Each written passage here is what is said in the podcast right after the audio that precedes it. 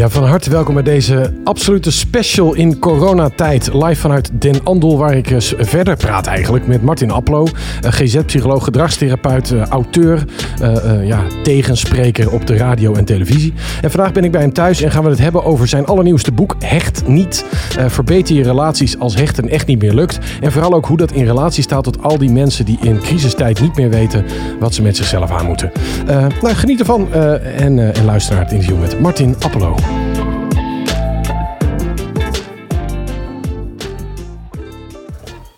Goedemorgen Martin, Goedemorgen Arvid. daar zitten we weer. Nou, Het vorige keer was een groot succes hè?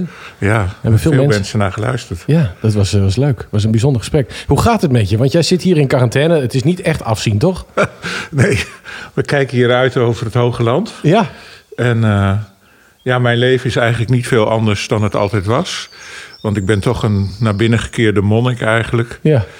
En ik eh, doe normaal gesproken heel veel lezingen en workshops. Die zijn allemaal afgezegd. ja. Ik vind het echt heerlijk. Ik hoor ook echt gewoon vogeltjes nu op dag. Ja. Die horen we gelukkig ook eh, door de microfoon daardoor. Ja. En eh, ik, ik kon gewoon 170 hier naartoe rijden. Dat is Ja, ook hartstikke prima. Ja, gaat heel makkelijk. Dat, eh, De meeste angsthazen zitten toch binnen.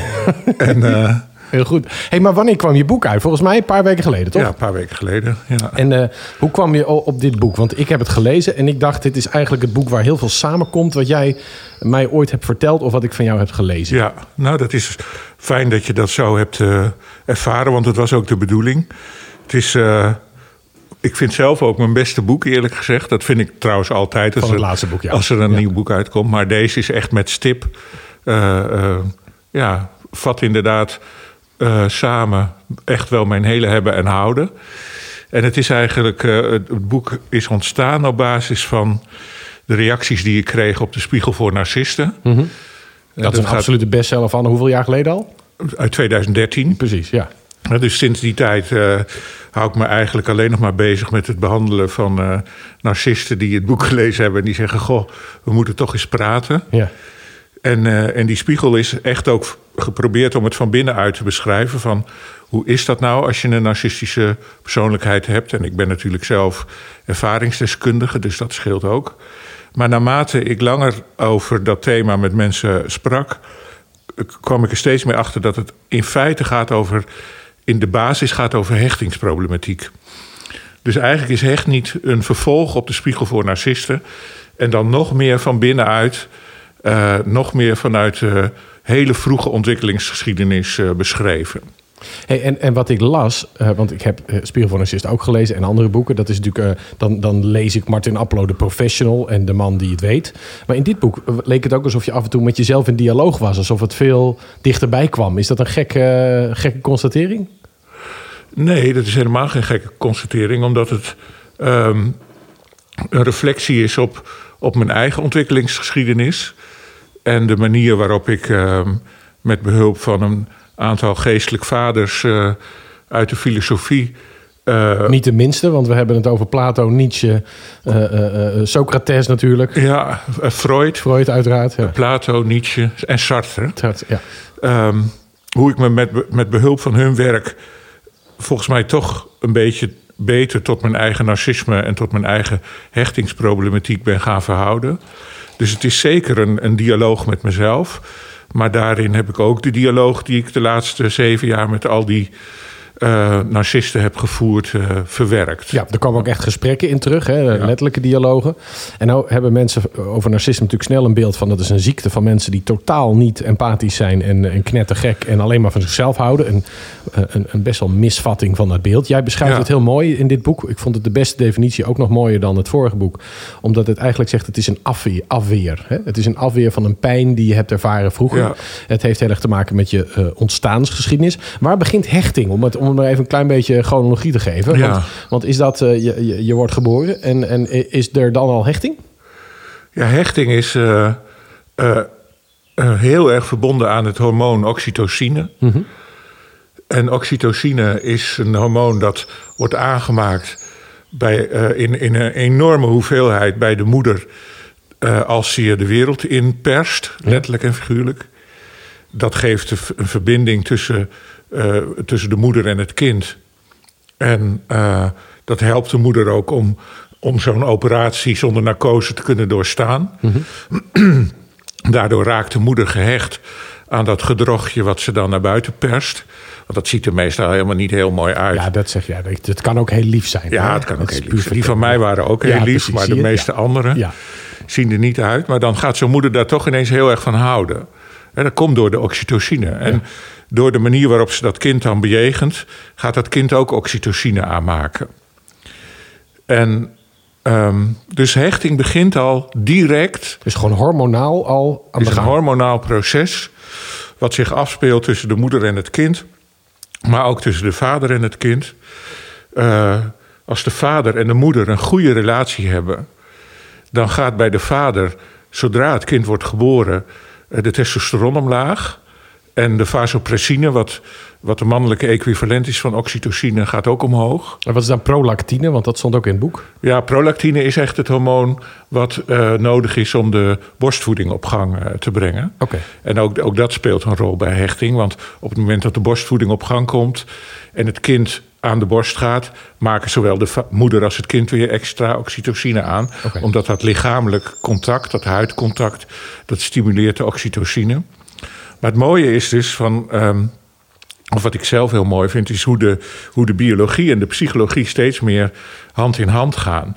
Dat, je, dat we dus tegenwoordig echt kunnen aantonen dat die psychologische processen een biologische equivalent hebben op hormonaal en neurotransmitterniveau. En dat dat elkaar enorm beïnvloedt. Wat ik net zei, dat als de ouders een goede relatie hebben, dat de vader dan ook veel meer hecht aan het kind dan als bijvoorbeeld de ouders een slechte relatie hebben. Dan blijft de vader veel meer op afstand. Fascinerende dingen. Maar goed, die hechting begint dus direct vanaf de geboorte, maar gaat jarenlang door. Hè. Dat gaat echt tot aan de jonge volwassenheid gaat dat hechtingsverhaal door. Maar die eerste jaren, die eerste periode, zijn daarin buitengewoon belangrijk. En hoe, ontsta- hoe versterk je die hechting vanuit de nurture kant, vanuit de opvoedingskant, het Ja. gedrag wat mensen vertonen? Nou ja, de kern daarbij is bij hechting is eh, wat ik dan noem oersoep. Hè, dat concept eh, heb ik in de Spiegel voor Narcisten geïntroduceerd. En oersoep staat eigenlijk voor onvoorwaardelijke acceptatie en sensitief reageren op je kind. Ja. En sensitiviteit betekent eigenlijk dat, de dat de primaire verzorgers, want het hoeven niet per se de moeder en de vader, er kunnen ook anderen zijn, dat de primaire verzorgers zich afstemmen op de behoeften van het kind en hun reacties daardoor laten leiden. Dus als het kind huilt, dan krijgt het kind troost. Als het kind blij is, dan lachen de ouders mee. Ehm, het is dus niet zo dat de ouders bepalen hoe het kind moet reageren, maar dat het kind eigenlijk merkt: goh, er wordt eh, rekening gehouden met mijn behoeften. In eerste instantie. En dat noemen we in de, in de psychologie eigenlijk het bevredigen van de symbiotische behoeften van het kind. De behoefte om één te zijn met zijn omgeving. Om als het ware eh, zijn omgeving te mogen bezitten. En een omgeving te hebben die zich bezeten weet door het kind. Maar dat klinkt eigenlijk als eh, prematuur narcisme. Zijn Ja. alle kinderen eigenlijk eh, vanaf geboorte een klein beetje narcistisch? Ja, je zou eigenlijk moeten zeggen dat, dat zo'n kind is in de baarmoeder natuurlijk een, een ongelofelijke narcist. Want alles draait om hem of haar.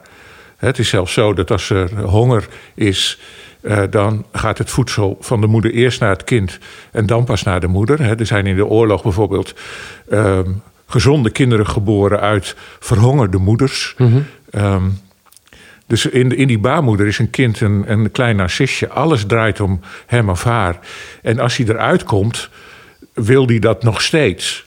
En dat noemen we het bevredigen van de symbiotische behoeften. Maar dat moet niet te lang duren. Want dat kind moet ook op eigen benen gaan staan. Dat het dus niet in een omgeving is die er helemaal voor hem is. Dus daarom moet hij na een tijdje ook leren dat die oersoep af en toe niet wordt opgediend. Daarbij frustratie die dan... En dat hij gefrustreerd moet eh, worden. En dat hij leert die frustratie te verdragen. Omdat de eh, primaire verzorgers net op tijd steeds weer terugkomen. Zodat het kind gaat merken: hé, hey, als ik geen oersoep krijg, is dat eigenlijk niet zo heel erg. Want uiteindelijk krijg ik het toch wel weer.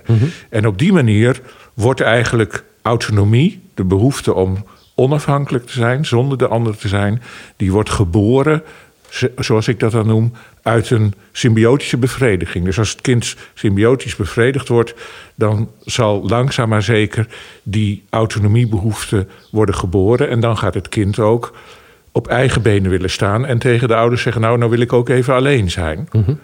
Nou, dus in de kern van de zaak ontwikkelen zich in een gezonde hechtingsgeschiedenis uh, een hele sterke sociale component, het samen kunnen zijn en het samen willen zijn. En maar ook een hele sterke solistische component. Het alleen willen zijn. Het op eigen benen willen staan. En dat duurt jaren. Maar uh, als, als die twee goed gebalanceerd ontwikkelen. dan spreken we van gezonde hechting. Hey, en, en we zijn natuurlijk voor de grap, weet je, dat kind alleen in de baarmoeder gedraagt zich narcistisch. Maar dat is eigenlijk niet wat narcistisch is. Dat is meer egocentrisme, omdat je alleen nog maar aandacht kunt hebben voor jezelf. Het, die nar dat narcistische afweren is eigenlijk een reactie wanneer mensen niet goed gehecht raken. Ja. Wat, wat voor op wat voor manieren kun je niet goed gehecht raken? Want je beschrijft er in het boek drie. Ja. Ja, het zijn, het, zijn, het zijn veel onderwerpen die tegelijkertijd uh, langskomen. Want hier zit ook. Ja, je hebt het boek zelf geschreven. Dat, ja, nee, maar niks op het moment dat jij noemt van. Uh, is het nou wel of niet narcistisch in die baarmoeder? Dan hebben we het ook over een definitie van narcisme. Hè? Kun jij jouw definitie geven? Ja, ik, ik denk dus dat. En dan ga ik toch terug naar jouw vraag over die, over die, uh, over die hechtingsstijlen. Over het algemeen kun je zeggen dat uh, 65% van de mensen raakt goed gehecht. He, daar gaat dat hele proces van symbiose en autonomie, van sensitiviteit, gaat goed. Um, Wat eigenlijk al best wonderbaarlijk is. Als je kijkt naar de diversiteit in de wereld, dat twee derde gewoon lekker gaat, is al ja. bijzonder. Ja, dat is ja. heel bijzonder. En dat, uh, wat, wat in, dit, in dit gesprek denk ik ook van belang is, daar dat is heel bijzonder, is heel fijn voor de meerderheid van de mensen. Maar dat leidt er ook toe dat de meerderheid van de mensen niet goed met een crisis kan omgaan. Maar daar komen, komen, zo op terug. komen we straks op terug. Ja. Maar het feit dat er, dat er nu, naar mijn idee, zo verschrikkelijk slecht wordt geacteerd in de coronacrisis, komt voor een groot deel omdat de wereld wordt geleid door veilige gehechte mensen. En dat uh, wil ik straks graag benadrukken. He, dus veilig gehechte mensen, die 65, 65 procent, die worden dus als het ware geprogrammeerd. We noemen dat een innerlijk hechtingsmodel. Met het idee van, goh, als ik iemand nodig heb, dan is iemand er voor mij. En als ik alleen wil zijn, dan mag dat. Mm -hmm.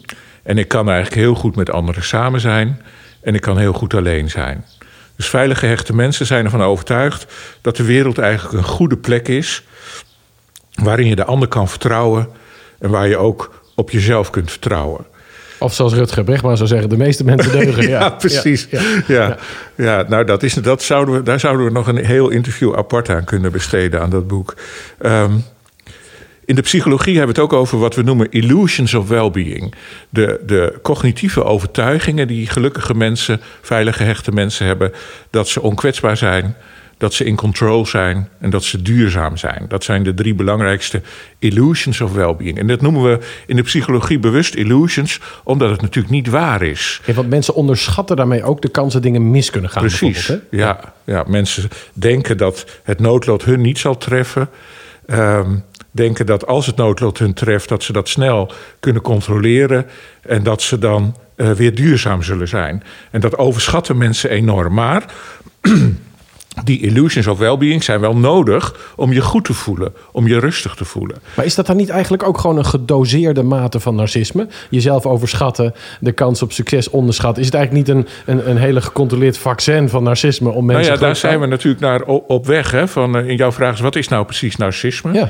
Maar het is een heel lang antwoord. Ja, dat geeft niet, we hebben alle tijd. Het zit ja. hier eerlijk. Ja. Ja. Maar die 65% is dus veilig gehecht, maar heeft dus een illusie over hoe de wereld eigenlijk in elkaar zit. En in die zin zou je kunnen zeggen, hebben ze eerder een soort grootheidswaan of onkwetsbaarheidswaan. Maar die heb je wel nodig om je goed te voelen. Mm -hmm. Maar dat is je dus met de paplepel of met de mamalepel ingegoten. Het idee, het is goed zoals het is, je bent veilig, ga de wereld maar in, het komt wel goed. Mm -hmm. Dat noemen we veilige hechting. Nou, dan hebben we nog 35% over. En daarin zitten uh, drie groepen van onveilige hechting. Mm -hmm. Dat is angstige hechting, vermijdende hechting en gedesorganiseerde hechting.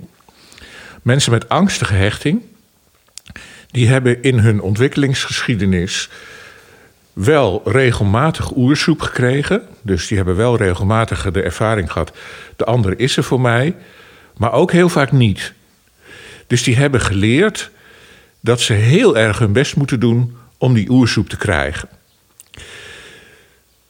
En dat zijn dus mensen die bang zijn, angstig zijn, dat als ze hun best niet doen, dat ze dan in de steek worden gelaten. En dat zie je op volwassen leeftijd, zie je angstig gehechte mensen terug als mensen die vooral heel erg pleasen, die heel erg bereid zijn om alsmaar er voor de ander te zijn in de hoop dat die ander dan aardig voor je is. Die hebben dus geleerd dat ze af en toe oersoep krijgen, maar ook heel vaak niet. Dus die hebben het idee, ik moet er heel erg mijn best voor doen om die oersoep te krijgen. En daarom doe ik altijd heel aardig tegen mensen. Dus die cijferen zichzelf weg om de ander te pleasen. Maar die krijgen daar uiteindelijk vaak wel last van, omdat ze veel te lang zichzelf uit het oog verliezen. Die zijn dus te weinig zelfgericht. En, eh, en in het, het vorige boek, uh, Spiegel van Narcist, heet het ook... die zoeken die voorwaardelijke erkenning een beetje bij andere mensen. Ja, die zoeken... Uh, die hebben dus niet het basis... Die hebben in de basis wel het idee dat ze geaccepteerd worden... maar die twijfelen daar ook heel erg aan... omdat het ook heel erg vaak niet gebeurt. Dat is ongeveer 15% van de mensen. Dan hebben we 10% van de mensen die zijn vermijdend gehecht. Die maakten in hun ontwikkelingsgeschiedenis eigenlijk mee... dat ze geen oersoep kregen. Verwaarlozing dus. Verwaarlozing. Uh, ouders die er niet waren, die er gewoon niet waren, die niet sensitief waren, die ook niet reageerden op het kind. Zoek het maar uit. Die angstig gehechte mensen, die wisten niet waar ze aan toe waren, want die kregen de ene keer wel en de andere keer geen oersoep. Daarom doen ze zo neurotisch en paniekerig. Ja. Die vermijdend gehechte mensen, die wisten wel waar ze aan toe waren, namelijk nergens aan toe. Die kregen gewoon niks. Dus die leren heel vroeg, nou dan doe ik het wel alleen. Mm dus dat zijn mensen die gaan eigenlijk emoties vermijden. En die gaan op een ogenschijnlijk autistische manier uh, leven. Uh, Kluizenaars, ja. Huh? Kluizenaars. Mensen die alleen werken, professoren, uh, ja, ja. muzikanten, kunstenaars. nou ja, ja, voor een deel wel. Dus mensen die zich afsluiten van de rest... en een vrij solistisch, instrumenteel leven leiden. Die wel weten waar ze aan toe zijn... maar um, is eigenlijk dat hele idee dat de ander er voor hun is en dat de wereld veilig is, is niet ontwikkeld. Nou, dat is de tweede groep, 10%. En dan hebben we de laatste 10%, en daarover gaat mijn boek. En dan komen we ook eindelijk op narcisme. Ja. Die laatste 10%, dat is een groep mensen die hebben in hun jeugd uh, af en toe oersoep gekregen. Dus die hebben iets van die angstige hechting, dat ze hopen en streven naar oersoep, naar verbinding met de ander.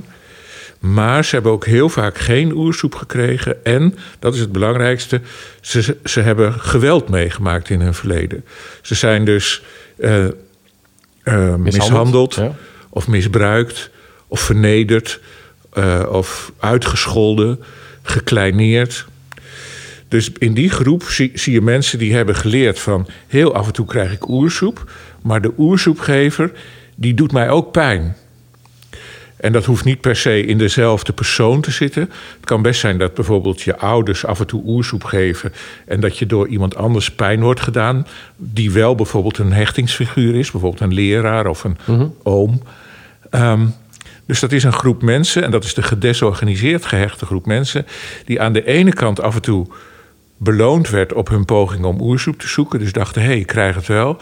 Maar aan de andere kant genadeloos even langs kreeg op verbale of fysieke of intimiderende manier. En daardoor geleerd heb, die ander die zich voordoet als oersoepgever, die is in feite niet te vertrouwen.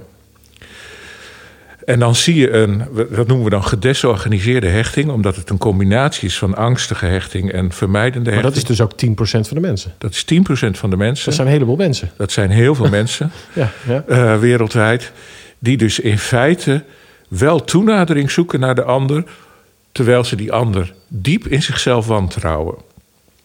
En dat wantrouwen in de ander slaat ook terug op zichzelf, want ze worden als kind mishandeld, misbruikt, uitgescholden, vernederd.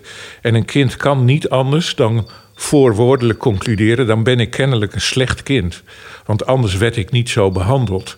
Kinderen kunnen zich niet realiseren dat die ander slecht is. Kinderen denken alleen maar: dan ben ik kennelijk een slecht kind. Dus die gedesorganiseerde groep die groeit op met wantrouwen in de oersoepgever, want die kan je ook pijn doen, en met de overtuiging: kennelijk ben ik een slecht kind. En dat is psychologisch zo ondraaglijk dat je dat eigenlijk niet anders kunt dan afweren. En dat kun je dan narcistisch afweren door te zeggen van ik ga dat niet voelen, Ik ga, daar, ik ga daarbij weg en ik doe het wel alleen, Mhm. zonder de ander. En die ander die moet zich dan vervolgens niet meer met mij bemoeien. En dan komen we op het biologische profiel van narcisme. Wat, eh, wat we daarvan weten op dit moment is eigenlijk altijd een hoog cortisolniveau, dus veel stress.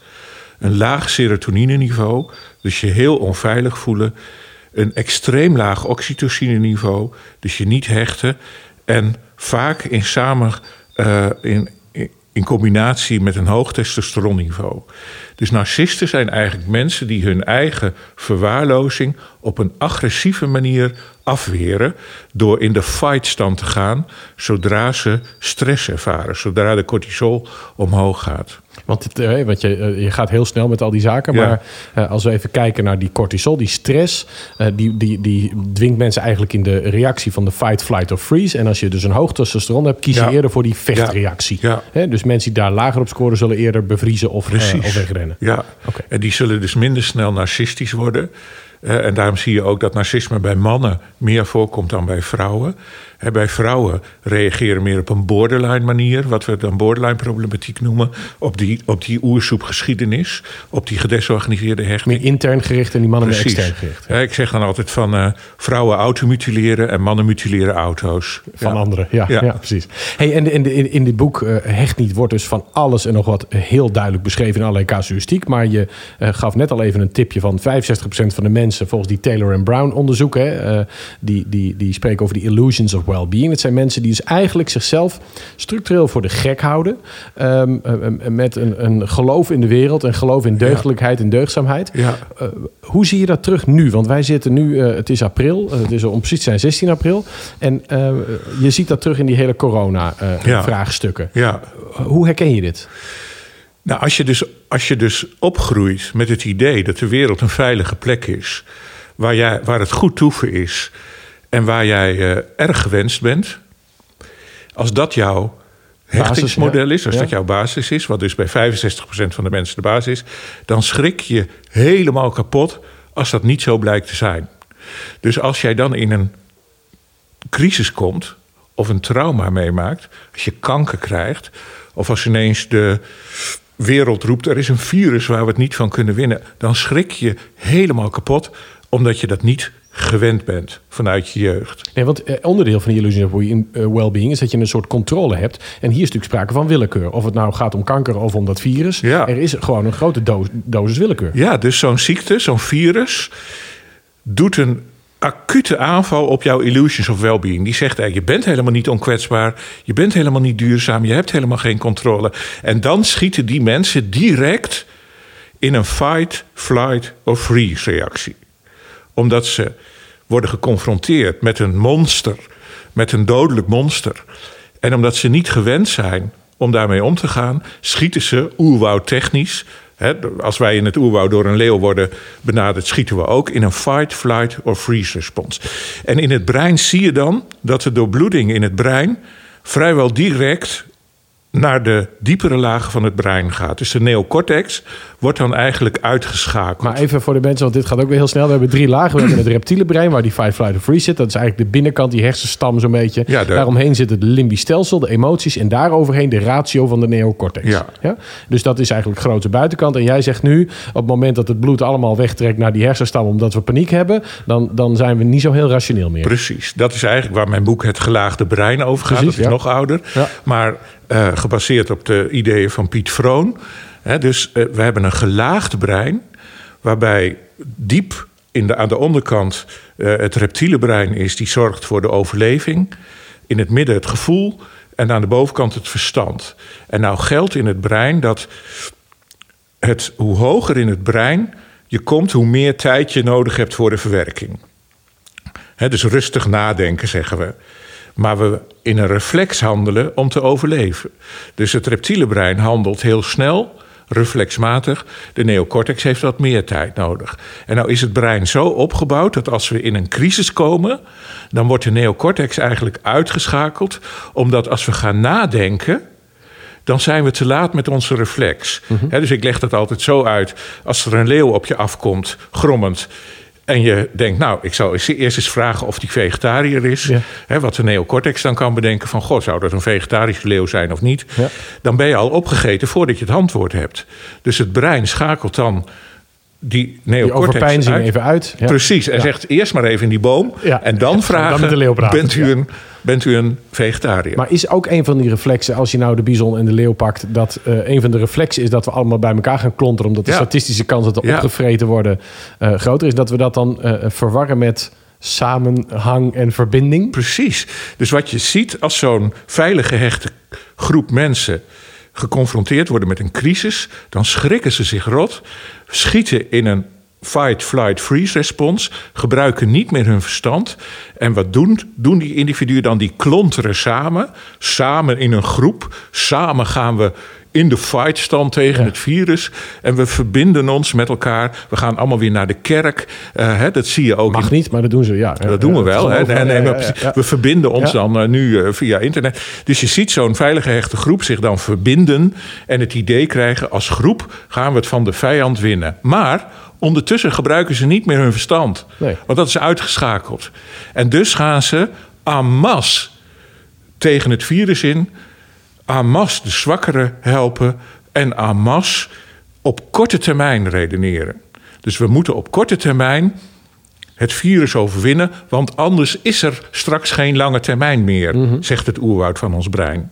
Maar niet alleen het oerwoord van ons brein. Ze luisteren ook naar werkelijk alle onzin die gezegd wordt. Er wordt, wordt totaal niet meer zelf nagedacht. Er was een Duitse arts die op, eh, vrij snel al Ja. wat vraagtekens zette bij het feit dat zo'n virus, dit virus bestaat al heel lang, wordt al heel lang gemeten. Er zijn al lang wetenschappelijke data. Het is helemaal niet nieuw.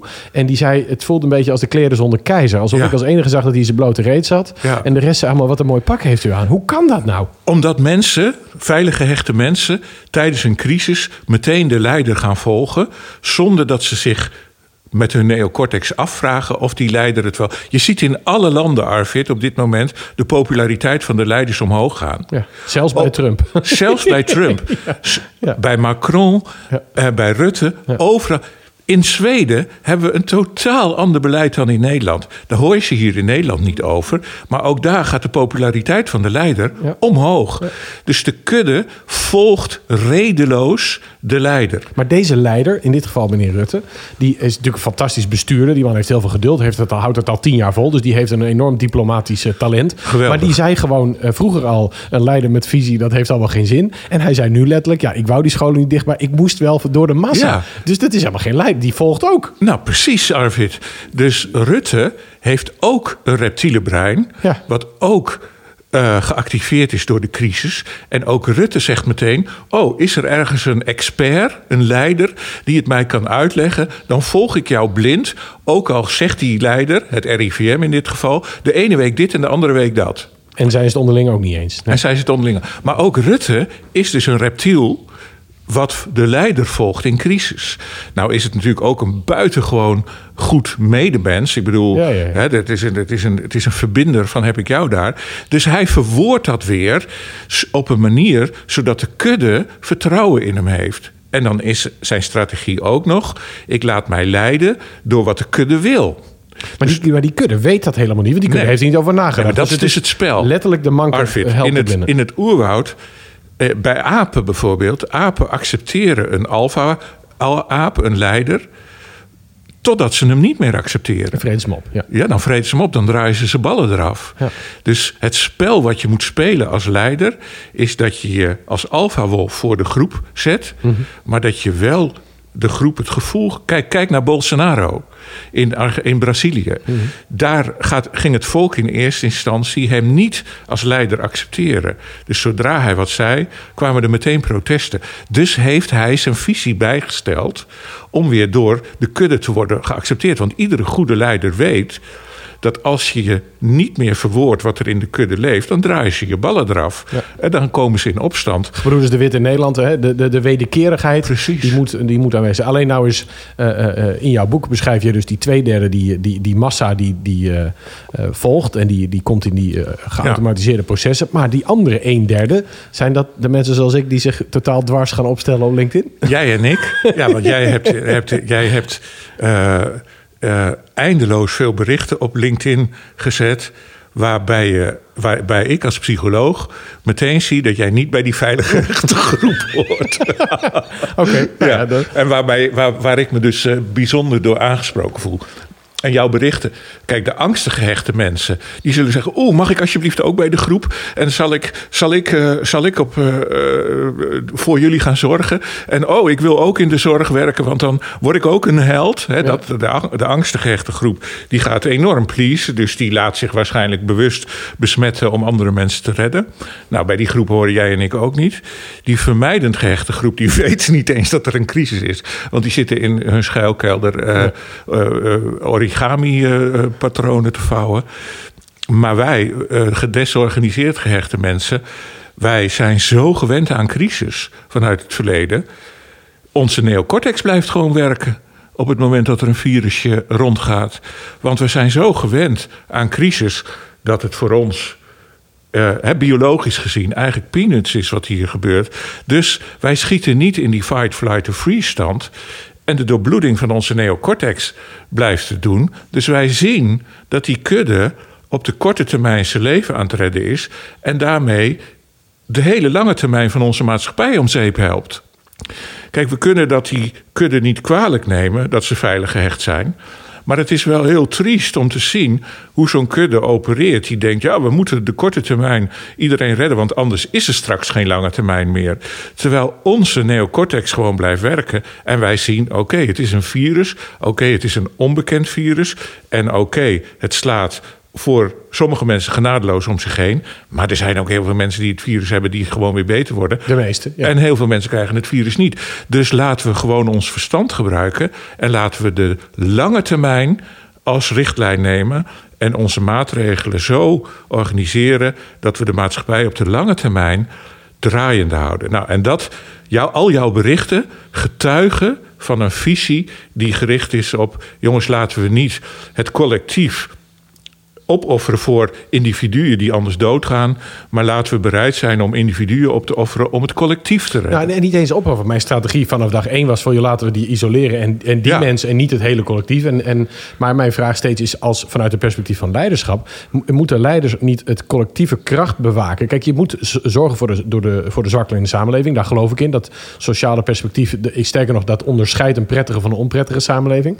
Eh, alleen als je de kracht van het collectief inboet... betekent dat de volgende crisis ons allemaal nekt. En Ja. volgens mij is het taak van een leider om dat te beschermen. Maar ik merkte dat als jij niet als bison in de kudde ging staan, maar als mekkerend geitje erbuiten, dat ze dachten dat ik een leeuw was. Ik, de eerste week was ik een fascist en een, een absoluut hatelijke, onmenselijke. eh, eh, eh, nou, dictator. En, en twee weken later gingen ze een paar woorden herhalen. En inmiddels herhalen ze precies dezelfde Precies. woorden. Maar dan wel met de hashtag samen heb- sterk. Ik heb daar dus naar zitten kijken, Arvid. En in de eerste week was jij eh, eh, zeg maar een roepende in de woestijn. Ja. En de kudde die denkt dat ze een kudde moet. Kijk, even voor de duidelijkheid: mensen vormen geen kudde omdat ze dat leuk vinden. Mensen vormen een kudde omdat ze bang zijn. Ja. Dus vissen gaan bij elkaar zwemmen om die haai het idee te geven dat zij veel groter zijn dan die haai. Gnoes en antilopes die gaan bij elkaar lopen om die leeuwen de indruk te geven dat zij veel groter en sterker zijn. Dus dat is gebaseerd op angst. Een kudde vormt zich op basis van angst. En als er dan iemand buiten de kudde gaat staan roepen, dan in het oerwoud kunnen daar maar twee dingen mee aan de hand zijn. Dat is die is gek of ziek en die gaat binnenkort dood. Ja. Of die is heel sterk. Nou, in eerste instantie denkt de kudde dat jij gek bent Ja. of gestoord. Dus dan moet je eigenlijk gewoon afgemaakt worden. Maar na drie weken blijkt jij heel sterk te zijn. Blijkt jij gewoon een alfawolf te zijn... die buiten de kudde durft te opereren. En op het moment dat de kudde merkt... ja, we lopen nou wel heel hard weg van een virus... maar het blijkt toch wel een beetje mee te vallen... dan wordt de doorbloeding in de neocortex weer geactiveerd. En dan beginnen ze dus uit die reflexen te komen... en dan gaan ze weer een beetje nadenken... en dan horen ze jou, zien ze jouw verhaal... En want je ziet het van week op week veranderen, de reacties op jouw verhaal. In de eerste week was je echt, nou nou, die man moet dood. Ja, dat werd letterlijk gezegd. Hè? Het stond op jo.nl, er zeiden mensen... jij moet in- voor eeuwig in quarantaine ja, en ja, of jij moet het virus krijgen. Sowieso. Hè, ja, eh, Bij mij zeggen ze ook dingen als van die Apollo moet in een trein eh, naar Auschwitz en eh, dat soort dingen. Ja, sympathieke woorden van mensen die zichzelf heel samen Precies. voelen. Ja. En dan een week later, dan, dan verstomt het. En in de derde week beginnen mensen te zeggen... oh, die Arvid heeft eigenlijk best wel een goed punt. Ja, dan zeggen ze eerst alleen een duimpje. hè. Dan zeggen ze nog niks. Dus Nee, maar dat vooruit. komt dus omdat de crisis wel blijkt mee te vallen. Ja. Dan komt de do- doorbloeding in de neocortex terug. Dan gaan mensen weer nadenken. En de prijs blijkt niet mee te vallen die we betalen. Precies. Nee. Inmiddels hebben we door die korte termijn reflexen... die de leider heeft opgedragen... omdat zijn leiders dachten dat dat goed was... die gaan zo verschrikkelijk veel lange termijn chaos creëren... dat er echt de crisis nog moet komen. En daarom is mijn pleidooi... laten we op momenten dat er een crisis uitbreekt... leiders aan de macht komen die in hun jeugd zo gewend zijn aan crisis... dat ze niet op reflex, maar verstandig blijven reageren. Maar daar is een probleem mee, want wij hebben natuurlijk een, een, een staatsvorm die, die eh, in dit geval dysfunctioneel is, maar over het algemeen heel goed werkt, de democratie. Ja. Mensen gaan die mensen niet kiezen. Hoe gaan we die dan selecteren? Ik, denk snap dat- wij elkaar zouden nomineren. Kijk, maar, nou, en dan komen we terug op het punt van een narcist. Een narcist die heel erg vastzit in zijn narcisme, die dus zijn eigen pijn duurzaam afweert met in de aanval gaan, met agressie. Die is niet wederkerig. Die stemt zich niet af op andere mensen. Omdat hij in zijn jeugd heeft geleerd van andere mensen hoef je het niet te verwachten. Die doen je toch pijn. Ik doe het wel alleen. Dus als iemand statisch is of vastroest in zijn narcisme, kan die nooit zo'n goede leider worden. Want die zal zich niet afstemmen op de bevolking. Maar op het moment dat de bevolking in crisis is, willen ze een sterke leider die ze kunnen volgen. Dus dan moeten we een leider hebben die sterk is, maar die niet reflexmatig handelt, maar redelijk. Maar die ook geleerd heeft om zich af te stemmen op de behoeften van het volk. We zien in heel veel onderzoek naar leiderschap en narcisme dat narcistische leiders het buitengewoon goed doen tijdens crisis. want dan accepteren we de leider die wat minder Dan sympathiek is. accepteren we een minder sympathieke alfawolf die zegt: jongens, we gaan onverschrokken dit en dit en dit doen. Ja. Want dan willen we, hè, we hebben dat in ons boek Red Afval beschreven, Ja. de- het onderzoek van Leo Witvliet. Als je de, hè, over de tandartsen, de tandarts die je nodig hebt, als je echt pijn hebt, wil je een competente tandarts. En als je komt voor een, eh, eh, een onderzoek, het eh, jaarlijkse controle, wil je een lieve wederkerige Precies. En daarom leren wij, jij en ik, die, die leiders die bij ons in therapie komen, die leren we niet om hun narcisme weg te doen, maar we leren ze om hun narcisme flexibel in te zetten. We leren ze om in crisis het narcistische script te hanteren, maar als de crisis voorbij is, weer naar wederkerigheid te gaan. Maar voor mij, want ik heb dit getest de afgelopen weken, omdat ik dus nogal de fascist was op eh, LinkedIn. en toen dacht ik, wacht, laat ik nou eens iets anders. Want zo'n stukje schrijf ik in 10 minuten, kwartiertje. En dan jank ik dat er in alle emotie op. En dan zie ik wel weer hoe ik wel weer neergestoken Ja. word, zeg maar, digitaal. Maar toen dacht ik, laat ik eens een ex- experiment maken. En eh, ik maak een brief aan meneer Rutte. Ik, ik geef hem daar ook de credits voor wat hij doet. Ik stel vragen in plaats van dingen te zeggen. Ik, ik spreek dat in met een zachte, warme stem. Ik Ja. laat er een animatie bij maken. Nou, kan je vertellen, 10.000 mensen hebben daarop gereageerd. Zo positief. Dit was zoveel genuanceerder. Dus de kudde omarmt dit inderdaad. Ja. Maar ik voel me vies. En jij zei dat ik een mongool was. Dat het slechtste was dat ik ooit heb gemaakt. Dus, dus het is best wel moeilijk om een hele leuke leider te zijn. Op, de- op een of andere manier. Hoe werkt dit? Nou ja, je ziet dus dat, dat op dit moment is de, is de kudde nog zo in de ban van samen en Ja. verbinding. En we doen het met elkaar. Ehm, maar begint de kudde ook te ontwaken. En begint de neocortex het weer te doen. Dus begi- begint de kudde ook na te denken over... ja, maar de kunstsector dan. En de cultuur. En, en, de, en, de, en de horeca. En wat jij doet in die, die, die verschrikkelijke brief aan Rutte... waar ik echt... ehm, echt hebt een dag van heb gekokhalst. moeten bijkomen dat je zoiets eh, kon, kon schrijven. Ik, ik begon echt zeer, eh, enorm aan je te twijfelen. maar wa- wat je, daar, wat je daar doet, is dat je natuurlijk Rutte echt op een salvende manier bedankt voor zijn wederkerigheid. Maar ook Wat ik wel meen trouwens. Want ik vind dat hij de Ja, afgelopen nee, tien jaar een hele goede diplomaat en bestuurder is geweest. Weet je wat hoor. ik Dus- hoop, Arvid? Eh, dat hij verliefd wordt op die gebarentolk. Ja. ik hoop echt Ja. dat die gebarentolk en Ru- Rutte dat die verkering krijgen. En dat, we, dat heel Nederland dan wordt uitgenodigd op, eh, op de bruiloft. Ja, dat lijkt me- dat, lijkt me zo mooi. Ja. Nou begon je zelf ook ineens salvende verhaaltjes te vertellen. Ja, ik dit? kom dan natuurlijk niet. Maar, ja, dat, maar goed, dat, dat, dat gun ik hem ook, die Rutte. Ja. Eh, eh, want ik vind ook dat hij het geweldig doet. Want ik ben natuurlijk in mijn oerwoud ook gewoon blij met zo'n man. Maar wat jij doet in die brief, dat wou ik zeggen... is daar ga je de perfecte middenweg... waarin het brein van de kudde zich Ja. nu bevindt, spreek je aan. Dus Maar volg- kost me heel veel moeite. Dus het is, ik voel... Ja, omdat jij gevoel- van nature eh, daar niet zit. Je zit niet van het, je zit van nature zit jij gewoon niet in dat punt, in dat zalvende stuk. Maar het is ook veel moeilijker om, om, om weg te gaan van je eerste gedachten... en dat heel erg te overwegen en heel erg eh, dat Jawel, afstemmen. en- voor, voor jou en mij is het heel logisch om niet te schrikken van zo'n crisis. En om eigenlijk, ja, ik, ik observeer het als een soort buitenstaander. Ja. En als het mij raakt, dan raakt het me. En als ik eraan overlijd, dan overlijd ik eraan. Ja. Het zal mij in wezen worst zijn. Ik ben in wezen getraumatiseerd genoeg om alles te kunnen incasseren. Het maakt mij echt niet uit. En dat is voor mij en jou te begrijpen, maar dat is voor de meeste mensen onmogelijk te begrijpen, omdat die in hun basis in die illusions of well-being geloven. Die zeggen ja, maar in de basis moet het toch fijn zijn en goed zijn. Wij deugen, ja. ja. Maar in mijn basis is het zo kapot. Dat, dat is een, een schijntje, deze crisis. En dat, dat zijn dus twee groepen. Nou, die grote groep veilige hechte mensen... die vindt dat jij in die brief aan Rutte... een prachtige middenweg bewandelt. Juist, ja. Hè, je bedankt hem, maar je spreekt hem ook aan... op de langere termijn dingen... Ja. die zo langzamerhand nu in de neocortex van de veilige hechten... ook begint door te dringen. Maar die bij ons meteen al centraal stonden... omdat we gewend zijn aan dit soort crisissen... in onze eigen psychologie.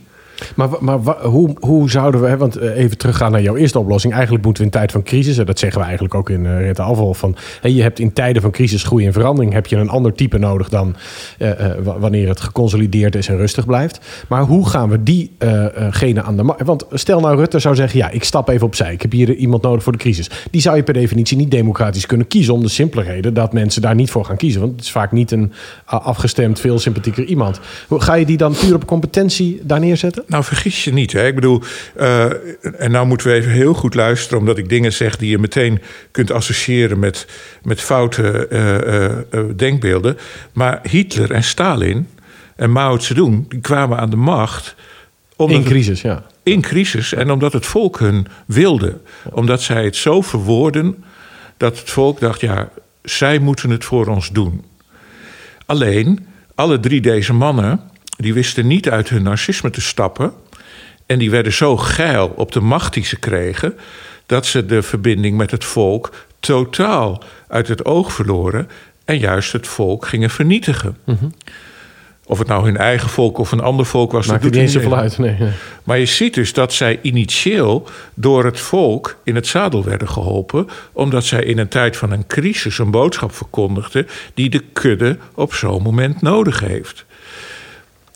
Alleen, we moeten dus mensen aan de macht hebben die zoiets kunnen, maar die tegelijkertijd in verbinding blijven met het volk. En, en die combinatie van narcisme en, leiders, eh, en wederkerigheid, hè, wat wij dan een bestuurder noemen, bestuurders, dat, je, die, die moet je, die, dat typeert een groot leider. En daarom zou het Rutte bijvoorbeeld hebben gesierd als hij een buitengewoon narcistische alfawolf naast zich had gezet, die in eerste instantie eh, in alle redelijkheid een beleid maakt, waarbij Rutte dan steeds voor de verbinding met het volk Precies, zorgt. ja. Ja. Dat klinkt als een hele logische. Ja, want denk nou eens met me mee. Hè, van, stel nou dat we in, zodra die crisis kwam, zouden hebben gezegd: joh, iedereen die bang is, of die kwetsbaar is, of zich kwetsbaar voelt, Blijf thuis. blijf thuis, maar kom ook niet buiten. Nee. Dus alle kwetsbaren opsluiten. En de mensen die zich onkwetsbaar wanen of die eh, ehm, eh, niet kwetsbaar zijn, die blijven gewoon aan het werk en die houden de economie draaiende. Dan hadden we in eerste instantie twee groepen gehad. Een groep. Ook maar- over twee derde, een derde. Ja? Daar kom je over op uit. Maar dan hadden we de economie draaiende gehouden. In die groep kwetsbaren wordt dan vrijwel niemand ziek, omdat ze echt niet naar buiten mogen. Getuigen die Spaanse ver- verpleeghuizen, Ja. waar mensen met elkaar zich opsluiten en waar niemand ziek wordt. En ook in Zweden, want in Zweden houden ze de kleine communities open, de voetbalclubs en dergelijke, Ja. zodat je die kunt isoleren. Maar ze zeggen, ga nou niet in nieuwe communities. Ja. En dan was in die groep die de economie draaiende houdt, waren mensen ziek geworden, geheid. Maar daar hadden we de IC's gewoon voor gehad, want die zijn niet volgestroomd omdat de zwakken in quarantaine zitten. Dan hadden die mensen die ziek worden mogelijk immuniteit opgebouwd. En op het moment dat die golf dan voorbij was in die groep die de maatschappij draaiende houdt, mogen de zwakken weer naar buiten. En die worden dan beschermd door de immuniteit die de sterke groep heeft opgebouwd. Wat, is daar, wat is daar de denkfout in? Nou, dit is niet een denkfout. Dus ik, ik kan even een paar argumenten noemen die er ge, geopperd worden. Eh, Het zijn niet alleen de oude en de mensen in die risicogroepen, Ja. want dat wisten we niet. Nou, allereerst de eerste eh, papers over eh, het corona en het COVID-19 eh, uit Chinees onderzoek, waar letterlijk in stond: het wordt overgedragen door het eten van vleermuizen en het is een respiratory, dus het, het, het gaat op de ademhaling. De stamt uit 2007. 2014 tot 18 is in Glasgow een heel groot grieponderzoek gedaan, massaal, waarbij dit al tot 5, bij 5 tot 12 procent van de mensen als griep herkend werd. Hè? En dus niet als eh, extreme pandemie. Het belangrijkste verschil tussen dit en een gewoon virus met griep is dat het eh, langer nodig heeft om signalen te geven. Dus je bent langer besmet voordat je het ziet, waardoor je eigenlijk ongemerkt veel meer andere mensen besmet. Dus het gaat sneller. Eh, maar er wordt dan heel snel geroepen, ja, maar er zijn ook mensen van 40 op de IC. Dat klopt. Alleen A, da- daar zijn twee, twee varianten van. Eén, de statistische anomalie. Dus het is gewoon een uitzondering. En dat is echt één op de 100.000 waar dat Ja. kan gebeuren. Wat kan. Daarvan weten we ook nog niet of ze stiekem onderliggend een ziekte hadden. Dat weten we niet. En je hebt gewoon mensen die eh, veel te zwaar zijn, eh, die roken en, en, en dergelijke eh, risicofactoren over zichzelf hebben afgeroepen. En dat is natuurlijk een hele goede wake-up call in de maatschappij. Maar als je dit van tevoren had gezegd, en we wisten dit in december, hè, dan had je kunnen zeggen, inderdaad, die zetten we in, in quarantaine. En nog veel beter, ik denk dat je de zorg gaat moeten scheiden. Ik denk dat je logistiek gezien vier centra gaat moeten optakelen. Hè. Lelystad stond een leeg ziekenhuis, zoals aan de, we hebben nu in Ahoy hebben we zo'n centrum. En Ja. de coronazorg moeten scheiden van de gewone zorg. Ja. Het, het enige probleem dat we daarmee hebben, en dat is natuurlijk het, het, redelijke argument wat steeds terugkomt, we hebben die zorg zelf uitgekleed. Ja. Alleen ik sprak erover met een paar medisch specialisten die zeiden, we noemen steeds IC-plekken, maar we hebben helemaal geen IC-plekken nodig. Want een IC-plek is waar je ook aan de nieren eh, eh, eh, dialyse moet kunnen en aan de hart, hartcontrole. dat hoeft niet, het gaat over beademingsplekken. Ja. Dus als onze leiders niet. Eh, eh, die hadden niet zo'n hoge urgentie op dat moment dat ze dachten het gaat ons raken. Dus ze hebben niet ingegrepen. Ik denk dat een echte leider sensitief was geweest. Want eh, wat jij in het begin beschreef, leiderschap, die, die lage serotonine is een onveilig gevoel. Maakt dat ze zo gevoelig en sensitief zijn. Ze kunnen denken, ja maar wacht even, dit gaat wel uit de klauwen lopen. Ja. En ik ga er nou van voorsorteren. Ja. En ik denk dat, dat dat zeker beter had gekund. En het feit dat er nu in die redelijke groep zoveel mensen zijn die deze week zeiden: Ik ben er nu ongeveer klaar mee. Ja. Doet mij vermoeden dat het binnen drie weken mensen ook gaan muiten. Hè? Mensen gaan gewoon zeggen: Ja, Flikker nee. op, het wordt nu zomer. Ik ga wel naar Ik was, eh, ik was vrijdagavond even pizza halen bij de pizzeria waar ik al twintig jaar kom. Dus we kennen elkaar goed. En die pizzabakker die krijgt op dat moment een telefoontje uit Palermo. En hij zegt, een vriend van mij, die is er nu getuige van... dat 50 man een supermarkt beroven, leeg plunderen. Eh, mijn broer woont in Amerika. Daar worden, daar worden de winkels al dichtgespijkerd. Omdat ze bang... Want daar zijn mensen geen wc-papier gaan hamsteren, maar wapens, hè? Ja, Eh, dat is ongelooflijk, ja. Omdat ze straks gaan hamsteren. Dat ja dit en, en, loopt- bereid, en zich voorbereiden op die vechtreactie. Met elkaar. Kijk, nu is het natuurlijk wel zo dat de kudde die dit verhaal straks gaat horen, die zeggen: Oh ja, de beste stuurlui staan aan wal. Nou is dat in ons geval ook zo. Maar dat Nee, is. maar luister, ja, het enige wat ik kan zeggen is ja en. eh, dus niet nee en, maar ja en. eh, ik roep dit vanaf de eerste dag. En heb het ook opgeschreven. En toen was ik de fascist. Ehm, en, en natuurlijk, het is makkelijk eh, nu roepen. Maar ik denk wel dat er een aantal cruciale fouten zijn. En, de- en er wordt al geroepen, er moet een parlementair onderzoek komen. En ik denk ook dat dat goed is. Maar wat we nu vooral moeten doen, is zorgen dat we die schade een klein beetje indammen. Ja, en vanuit hechtingsperspectief geldt dan dus echt dat we hiervan, naar mijn idee, moeten leren dat als er weer een crisis uitbreekt, dat we dus iemand eh, de regie moeten geven die niet vanuit fight, flight, freeze korte termijn reageert, De ratio. maar die de ratio hanteert en eventueel een groep mensen, waar wij dan natuurlijk samen ook in zitten, en die zolang de crisis duurt hun verstand blijven gebruiken en die zodra de crisis achter de rug is, Ook weer weggaan. weer weggaan en dan mijn boek Hecht niet gaan lezen, zodat ze hun eigen privérelaties daarna ook beter kunnen managen. Want, want dit boek, hè, want je zegt Ja. dit, dit boek gaat echt over mij. Dit is mijn, nou, in ieder geval je beste werk tot nu toe. Ja. Eh, eh, wat zijn de, de voordelen? Die, want vaak als je door een schrijversproces gaat, dan zet je zelf dingen op een rij en komen de dingen. Wat is, eh, wat is je eigen beste les in het schrijfproces geweest? Ehm, dat de, dat de manier om jezelf eh, te leren omgaan met je innerlijke handicap, met je innerlijke ambivalentie, dat die al heel lang in onze cultuur uh, is beschreven. En niet door psychotherapeuten, maar door filosofen. En dat we um, als psychologen en psychotherapeuten en psychiaters niet steeds moeten denken dat we geweldige nieuwe dingen bedenken, maar dat we uh, te raden kunnen gaan met een, met een, bij een aantal cultuurdragers, um, die zelf, naar mijn idee, ook buitengewoon uh, gedesorganiseerd. Uh, nou, in van Nietzsche kunnen we dat van vaststellen. Ja, Nietzsche. Ja, ja. Maar ook Freud en Plato. Ja. He, dus wat voor mij de, de, de centrale boodschap is uh, van dit werk en ook van mezelf leren kennen, is dat ik een innerlijke ambivalentie heb tussen die solistische en die sociale energie, tussen symbiose en autonomie, die nooit tot rust is gekomen, zoals bij veilige hechte mensen. Maar dat dat al door Plato is beschreven hoe je daarmee om moet gaan. En ook door Freud. En dat is misschien wel leuk om dat nog even te. Plato die, die, die wordt op een gegeven moment gevraagd aan Socrates: van wat is nou eigenlijk de menselijke geest? En dan zegt Plato: dat is een wagen met twee paarden ervoor. Eén paard wil, uh, is gehoorzaam, lief en verbindend. Eros, ja. En het andere paard is uh, boos, kwaadaardig en eigenwijs. En die twee paarden willen dus iets heel anders. En die, dat, dat, dat liefdevolle, verbindende paard kan niet anders, zegt Plato, dan zich verbinden. Dus als er niet een wagenmenner op die wagen komt te staan die die twee paarden op elkaar afstemt, zal dat verbindende paard verliefd worden op dat boze paard. En dan storten ze samen in de afgrond, zegt Plato, al roepend: Dit is wat ik wil. Dus Plato roept op tot het installeren van een redelijke wagenmenner die die twee paarden op elkaar afstemt. En dit beeld van die wagenmenner is door Freud overgenomen. En Freud noemt dat liefdevolle paard eros, liefdesenergie, ja. symbiose. En die noemt het eigenwijze paard thanatos, doodsdrift, autonomie.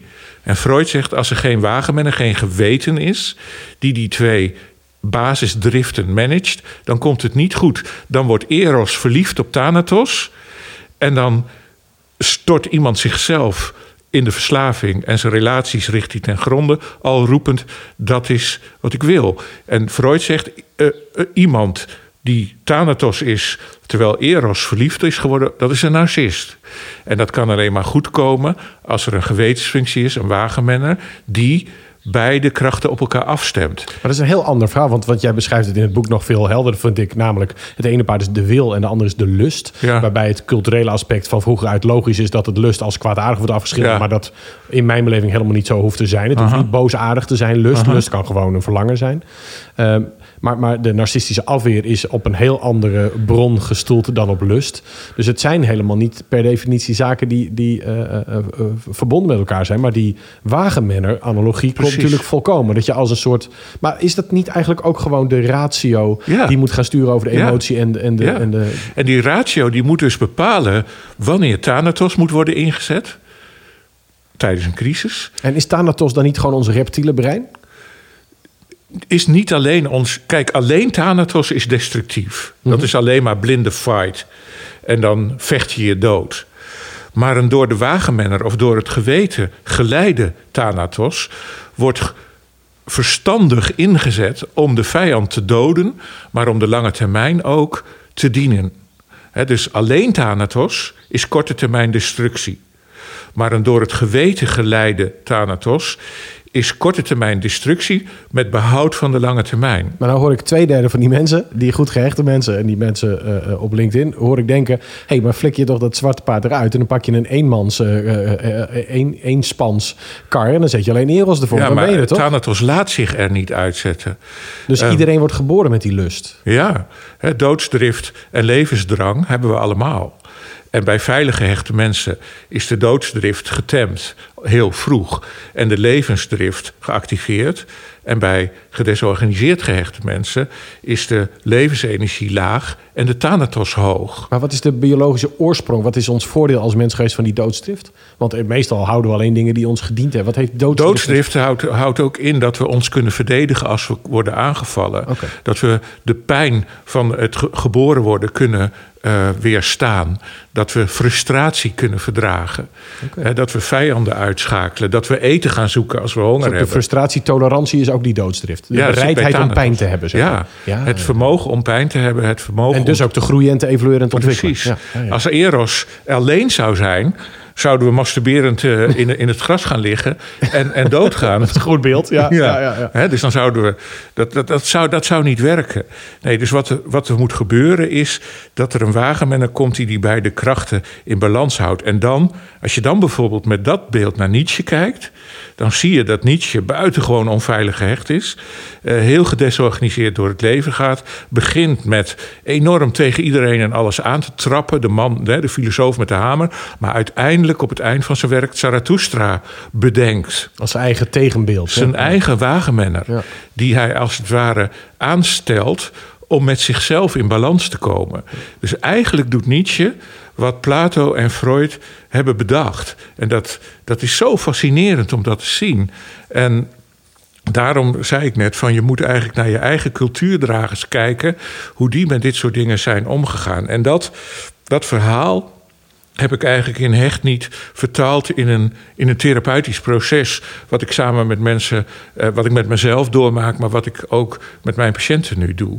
En dat is dus puur ge, ge, geënt, gebaseerd op wat een aantal cultuurdragers ons eigenlijk hebben, hebben geleerd. En dat zijn cultuurdragers geworden omdat het mensen zijn die bleken in tijden van crisis, Los van de kudde iets anders los van hun kudde, hun verstand te blijven gebruiken. Maar goed, het, het- de tragiek daarvan is dat je vaak al 100 jaar dood moet zijn voordat mensen dat herkennen. ja, Ja, dus, dus- daarom doen wij nu deze podcast. De, de in de hoop. 16 april 2020. hey Martin, ik denk eh, eh, even afsluitend voor het gesprek... dat, we- dat we nog een week of drie, vier hebben... voordat het volk denkt, flikker op met die regels. Ik ga mijn eigen ding weer doen. Eh, in die tijd moeten ze natuurlijk Hecht niet gaan, gaan lezen. Een, een prachtig boek uitgegeven door Boom. En daarna moeten ze ook nog een klein beetje gaan proeven... van die filosofen en van een flesje wijn. Ja, zeker. Dus eh, ik heb die filosofen heb ik kort samengevat. Maar ehm, eh, ik, ik hoop dat mensen door het lezen van mijn boek zo geïnspireerd raken dat ze ook die eh, Sartre en Nietzsche gaan kopen. En gewoon ook weer gaan genieten. Maar ook toch vooral LinkedIn nog eens openen en al jouw berichten nog eens nalezen. en dan denken: verrek, die buit, fascist, ja, nee. die moet eigenlijk dit land gaan leiden. Nou, laten we dat maar niet hopen. Mijn- vrouw hoopt van niet. Nee. Hey, ontzettend bedankt voor het leuke gesprek en Ja. dat ik de gast mocht zijn in Handel. Wil je meer weten? Kijk natuurlijk even op martinappelo.nl. Het is een prachtige website waar hij van alles met je deelt en waar jij een van zijn 30 boeken kunt uitkiezen. Maar vooral toch ook Hecht Niet, het laatst uitgegeven eh, door eh, Boomuitgevers. Dank je wel voor het luisteren. Blijf allemaal gezond, ondanks deze ellende. Hoop ik dat toch al recht voor je. En het idee van het gras en de zon en een klein beetje ontspannen. Ik zou zeggen, geniet ervan.